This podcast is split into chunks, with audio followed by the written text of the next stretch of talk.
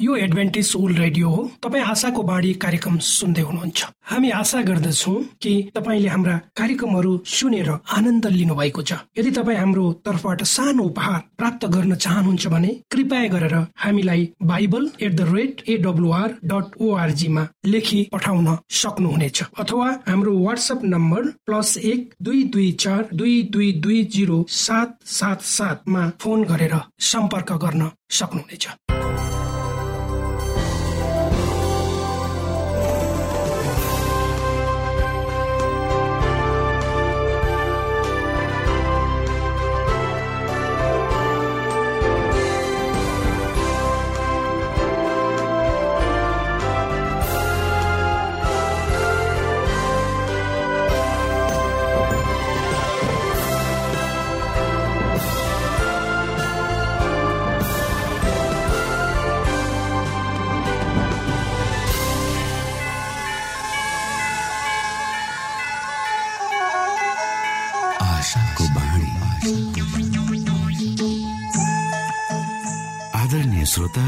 नमस्कार। यो समय तपाईँ एडभेन्टिस्ट ओल्ड रेडियोको प्रस्तुति भोइस अफ होप आशाको बाणी कार्यक्रम सुन्दै हुनुहुन्छ।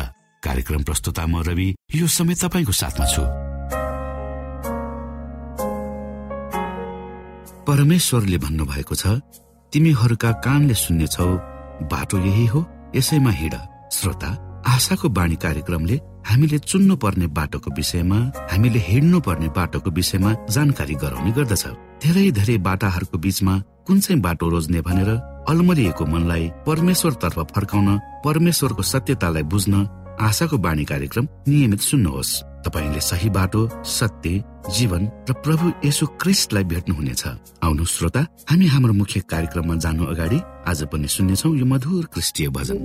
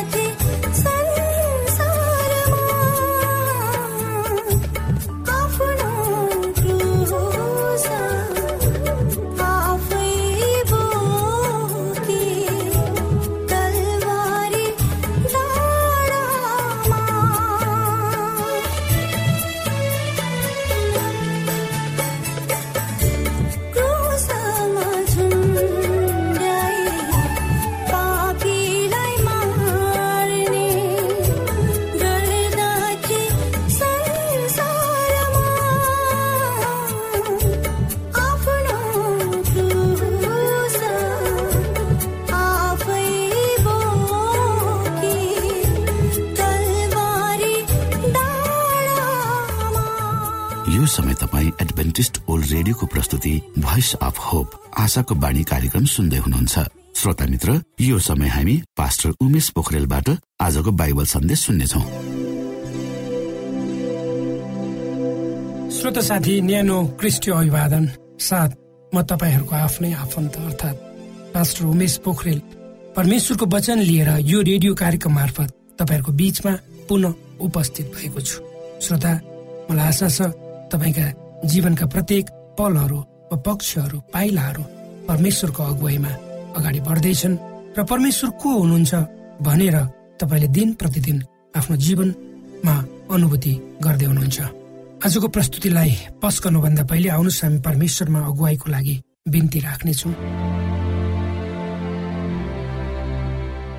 जीवी जिउँदो महान दयालु परमेश्वर प्रभु हामी धन्यवादी छौँ। यो जीवन र जीवनमा दिनुभएको प्रशस्त आशिषहरूको लागि प्रभु यो रेडियो कार्यक्रमलाई म तपाईँको हातमा राख्दछु। यसलाई तपाईँको राज्य महिमा प्रचारको खातिर प्रयोग गर्नुहोस्। धेरै मानिसहरू जो अन्धकारमा हुनुहुन्छ ले तपाईँको ज्योतिलाई चिन्न सक्नुहोस् र तपाईँको राज्यमा आउन सक्नुहोस्। यसबाट तपाईँको महिमा होस्। सबै बिन्ती प्रभु यीशुको नाममा। आमेन।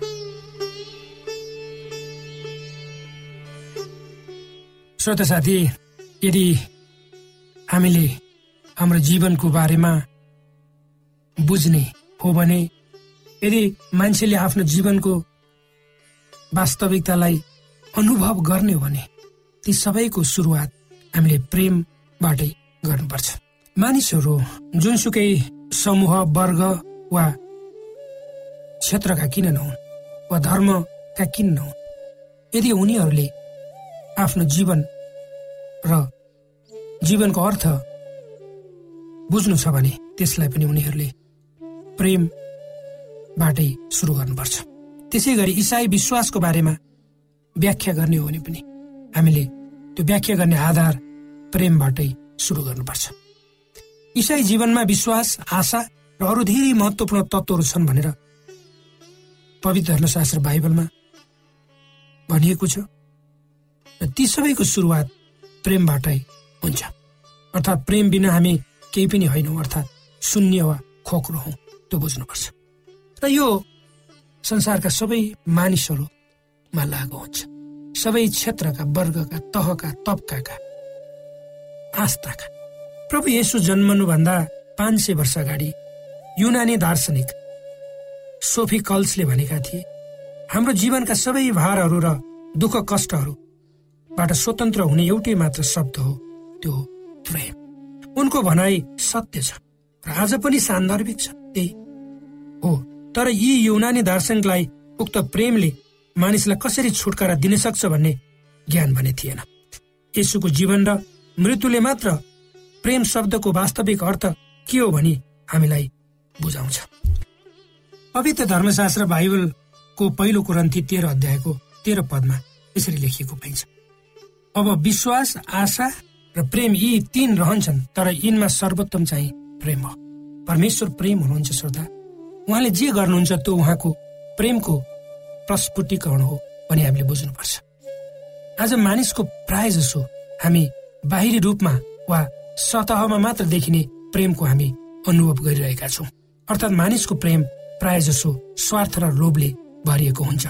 तर परमेश्वरको प्रेम उच्च हुन्छ भनेर जसमा कुनै स्वार्थ लालसा वा नराम्रो गुप्त कुरा लुकेको नभई केवल प्रेम अर्थात् अरूको निम्ति आफूलाई समर्पित गर्नु हुन्छ भनेर हामीले बुझ्नुपर्छ।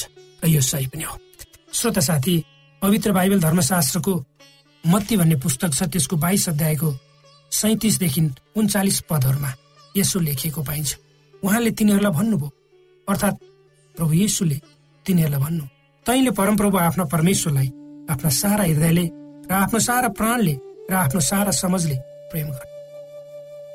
र महान र प्रथम आज्ञा पनि यही हो। दोस्रो पनि यस्तै छ। तैँले आफ्नो छिमेकीलाई आफूलाई जस्तै प्रेम गर। जिउनको लागि खान पिउनु पर्छ। खान र तरल पदार्थ भएन भने हामी बाँच्न सक्दैनौँ अर्थात् मर्छौँ। तर जीवित रहनको लागि प्रेमको पनि त्यत्तिकै आवश्यकता हुन्छ श्रोता। प्रेम बिनाको जीवन जीवन नै होइन। अर्थात् तपाईँ हाम्रो जीवनको संरचना नै प्रेम पाउनको निम्ति प्रेम मान्ने गरिएको हो। हामीलाई हाम्रा आमा बुवाहरूको प्रेम र वात्सल्यता चाहिन्छ। र त्यही प्रेम र वात्सल्यताद्वारा हामी हुर्कन्छौँ। हामीलाई परिवारका अरू सदस्यहरू मित्रहरूको प्रेम पनि उत्तिकै चाहिन्छ। अर्थात् हामी प्रेमका भोका छौँ। यसलाई हामीले अरूसँग बाँड्नुपर्छ। जति बेसी प्रेम तपाईँ हामी अरूमाथि खन्याउँछौँ त्यति नै बेसी त्यसको प्रतिफल हामीले पाउँछौँ। जब तपाईँ हामी प्रेम लिन र दिन सक्दैनौँ तब हामी मानव जातिभित्र पर्दैन। तर यो स्पष्ट छ कि सही र सत्य प्रेम हामीबाट स्वत स्प्रत रूपमा आउँदैन। तर उक्त प्रेम प्रभु येसुद्वारा हामीमा आउँछ। र हामी जब यसुलाई चिन्छौँ र उहाँको प्रेमलाई बुझ्छौँ तब हामीले अरूलाई कसरी प्रेम गर्नुपर्छ भनेर पनि बुझ्न सक्छौँ। सत्य प्रेम वा सही प्रेम परमेश्वरको सिद्धान्त वा नियम हो र उहाँको स्थायी शक्ति पनि हो। अपवित्र हृदयले सत प्रेम सृजना गर्न सक्दैन न त थालनी नै गर्न सक्छ। यो प्रेम केवल त्यो व्यक्तिको हृदयमा पाइन्छ। जसको हृदयमा परमेश्वर बस्नु भएको छ। पवित्र बाइबल धर्मशास्त्रको पहिलो यौना चार अध्यायको उन्नाइस पदमा उहाँले हामीलाई पहिलो प्रेम गर्नुभएकोले नै हामी उहाँलाई प्रेम गर्दछौँ भनेर भनिएको छ। परमेश्वरको अनुग्रहले पुनर्जीवित भएको हाम्रो जीवन पद्धतिलाई परिचालन गर्ने शक्ति वा ऊर्जा नै प्रेम हो भने तपाईँ हामीले बुझ्न जरुरी छ। परमेश्वरको प्रेम र मानिसको प्रेममा भिन्नता पाइन्छ श्रोता। हाम्रो अर्थात् मानवीय प्रेमले उच्च ग्राह्यता पाउन् भन्ने परमेश्वरको इच्छा छ। तर उहाँलाई हाम्रो प्रेमको त्यही रूपमा आवश्यकता हुन्छ जुन रूपमा मानव जातिलाई उहाँको प्रेम चाहिन्छ। हामी मानव जातिले त्यस वास्तविकताबाट नै आफ्नो प्रेमलाई सुरु गर्नुपर्छ। जुन परमेश्वरबाट आएको अर्थात् हाम्रो मानवीय प्रेमलाई परमेश्वरको प्रेमले परिवर्तन परिवर्तित गर्नुपर्छ। त्यसो भयो भने हामीले यसुले गर्नुभएको प्रेम जस्तै आफ्नो प्रेम अरूलाई दिन र अरूबाट ग्रहण गर्न सक्छौँ। पवित्र बाइबल धर्मशास्त्रको नयाँ र पुराना नियमहरूलाई हेऱ्यौँ भने परमेश्वरको प्रेम र सदाशयता सधैँ मानव जाति र उहाँको सृष्टिप्रति रहेको पाइन्छ। र परमेश्वरको चरित्र द्वैत छैन। प्रभु येसुमा परमेश्वरको प्रेम पूर्ण र सिद्ध रूपमा प्रकट भएको थियो। र परमेश्वरको इच्छा र छविलाई प्रभु येसुले नयाँ करारमा चितन गर्नुभएको पाइन्छ। श्रोता मित्र प्रभु येसु यस संसारमा किन आउनुभयो? उहाँले किन दुःख कष्ट भयो र क्रुसको दर्दनाक मृत्युलाई सहर्ष स्वीकार गर्नुभयो उहाँ फेरि किन फर्केर यस संसारमा आउनुहुनेछ? र यस संसारलाई अधनको भा प्रारम्भिक अवस्था जस्तै शुद्ध रूपमा यसलाई पुनर्स्थापना गर्नुहुनेछ। के उहाँको मृत्युको कुनै अर्को विकल्प थिएन त? यी प्रश्नहरूको चित्त बुद्ध जवाब हामी हाम्रो आफ्नै समझबाट पाउन सक्दैनौँ। परमेश्वरले आफ्नो असीमित बुद्धिद्वारा पापको समस्यालाई समाधान गर्न सक्तो उत्तम सम्भावित उपाय रच्नु भएको थियो। परमेश्वरकै कारणले गर्दा उहाँको विधि र आज्ञाको खिलाफमा गएर विद्रोह गर्ने मानिसलाई उहाँले व्यवस्था गरी त्यत्तिकै हो होइ छोड्न सक्नुहुन्न किनकि परमेश्वर प्रेम हुनुहुन्छ। र त्यसकारण पापमा परेको मानिसलाई उद्धार गर्ने महान उपाय नसोची उनीहरू आफ्नै पापमा मरेको उहाँ हेरेर बस्न सक्नु हुन्न थियो। त्यसै वास्तविकतालाई यहुन्ना तीन अध्यायको सोह्र पदमा यसरी लेखेको पाइन्छ। आउनुहोस् हामी पढौँ पवित्र धर्मशास्त्र बाइबलको यहुन्ना तीन अध्यायको सोह्र किनभने परमेश्वरले संसारलाई यस्तो प्रेम गर्नुभयो कि उहाँले आफ्ना एकमात्र पुत्र दिनुभयो ताकि उहाँमाथि विश्वास गर्ने कोही पनि नाश नहोस् तर त्यसले अनन्त जीवन परमेश्वरको पवित्रता नै उहाँको सिद्ध निष्कलङ्कता भएको कारणले उहाँले नैतिक भ्रष्टता वा पापलाई ग्रहण गर्न सक्नुहुन्न। उहाँले आफ्नो प्रेमको कारणले नै पापीहरूलाई ग्रहण गर्नुहुन्छ तर आफूलाई पापबाट अलग राख्नुहुन्छ। र त्यही नै परमेश्वरको पवित्रताको अर्थ पनि हो। अशुद्ध मानिसहरूलाई सदा सहायता गर्न आफू पनि तिनीहरू जस्तै हुन राजी हुनु नै उहाँको प्रेमको अर्थ पनि हो। श्रोत साथी स्वार्थी प्रेम अन्धो महत्वकांक्षा घृणा स्वार्थपन जातीय अहङ्कारपन फोहोरी राजनीतिक लडाई एक आपसमा विरोधाभास जस्ता कुराहरूले संसार भरिएको पाइन्छ। जबसम्म मानव जाति यी दुर्गुणहरूबाट डोहोरिरहन्छ तबसम्म साँचो प्रेमले प्रस्फुटित हुने मौका नै पाउँदैन। मदर टेरेसाले एक समय यसो भन्नुभयो यदि तपाईँहरूले मानिसलाई जोख्न र विवेचना गर्न थाल्नुभयो भने उनीहरू प्रेम गर्न गर्ने फुर्सद उनीहरूलाई प्रेम गर्ने फुर्सद तपाईँले पाउनु त्यसै गरी यदि हामीले सही रूपमा प्रभु येसुलाई ग्रहण गर्यौँ र रूपान्तरित भएर यसुको इच्छा अनुसारको जीवन जिउ भने प्रेमको सिद्धान्तले हाम्रो जीवनलाई आफ्नो बसमा राख्न सक्नेछ। हाम्रा कमजोरीहरूलाई ख्याल नगरी परमेश्वरप्रति अरू हाम्रा मानव जातिप्रति हाम्रा कमजोरीहरूलाई ख्याल नगरी परमेश्वर प्रति र अरू हाम्रा मानव जाति प्रति प्रेम देखाएर त्यसको वृद्धिमा हामी निरन्तर लागिरहनेछौँ।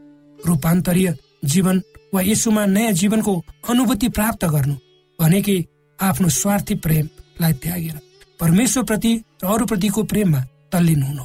अन्तमा यदि हामी वास्तविक रूपमा यसुद्वारा परिवर्तित भएका छौँ भने हाम्रो व्यवहारबाट उहाँको प्रेम प्रकट हुनेछ।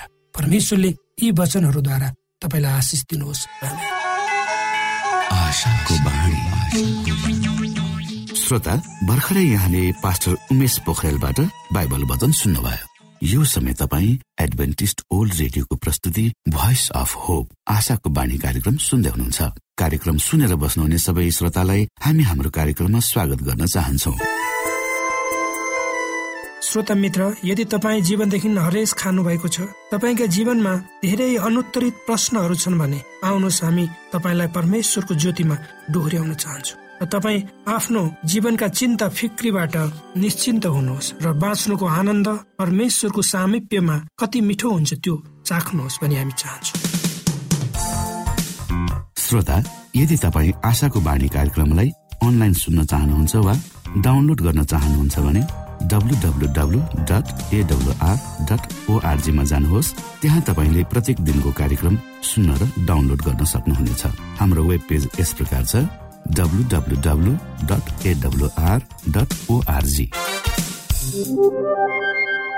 श्रोता यदि तपाईँ हामीसित सिधै फोनमा सम्पर्क गर्न चाहनुहुन्छ भने हाम्रा नम्बरहरू यस प्रकार छन्। अन्ठानब्बे एकसाठी पचपन्न शून्य एक सय बिस।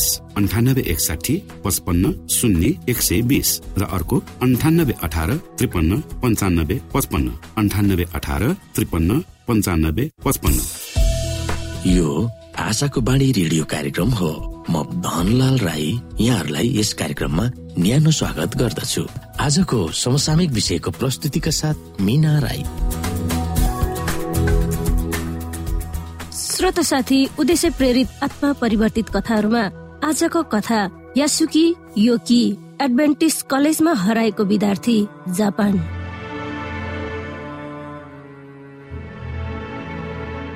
श्रोता साथी जापानमा रहेको एकमात्र एडभेन्टिस कलेजमा जब यासुकी योकी भर्ना भए त्यसभन्दा अघि उसले कहिले पनि कुनै इसाईलाई भेटेको थिएन न त बाइबल नै पढेको थियो। जब सानी कुगा क्विन कलेजमा उसको बुबा आमाले दुई वर्षसम्मको निम्ति ट्युसन तिरेर तबसम्म त्यो कलेज इसाई कलेज हो भनेर थाहा पाएको थिएन।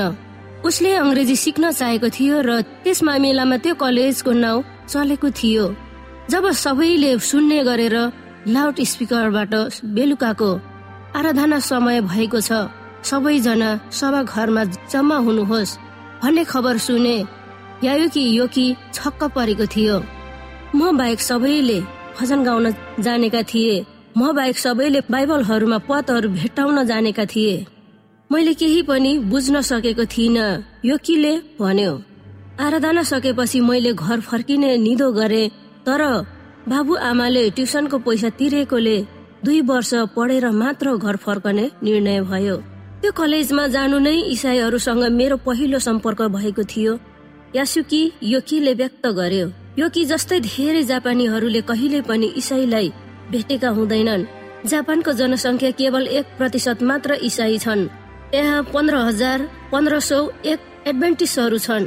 त्यस देशमा मानिसहरू प्राय जसो बुद्ध धर्म मान्छन् श्रोत साथी कलेजमा भर्ना हुँदा यो कि बुद्धले धर्म पनि मानेको थिएन।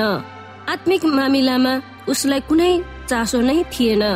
तर उसका साथीहरू र शिक्षकहरू दयालु थिए।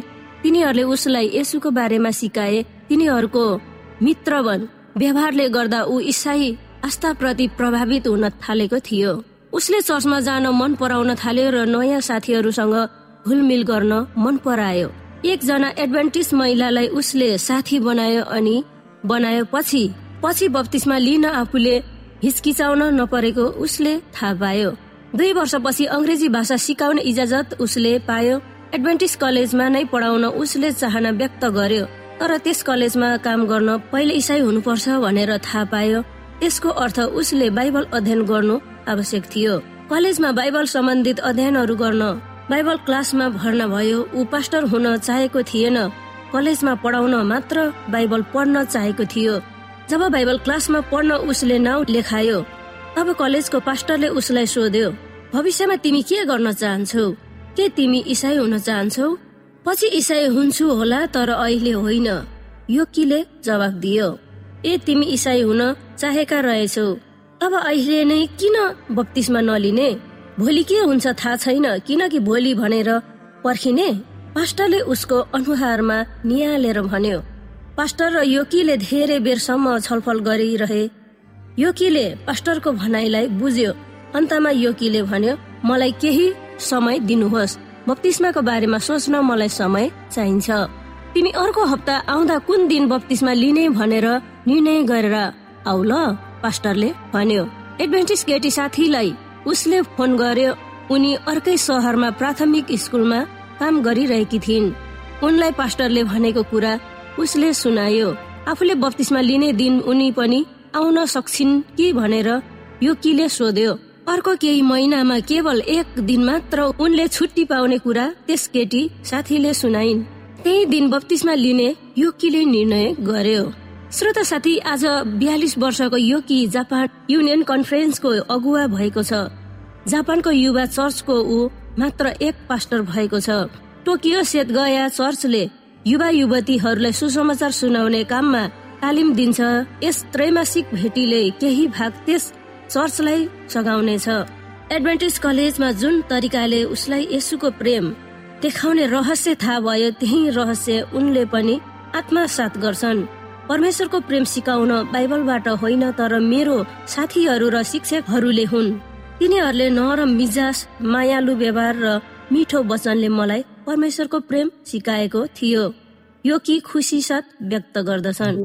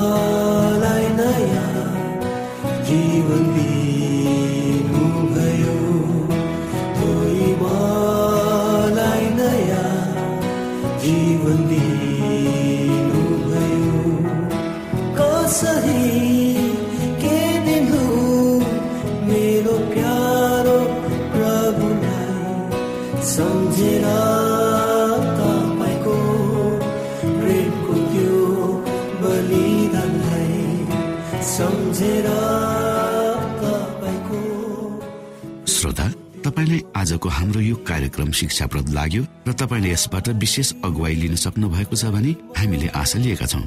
हामीसँग पत्राचार गर्ने हाम्रो ठेगाना यस प्रकार छ। आशाको बाणी पोस्ट बक्स नम्बर दुई शून्य शून्य शून्य दुई काठमाडौँ नेपाल।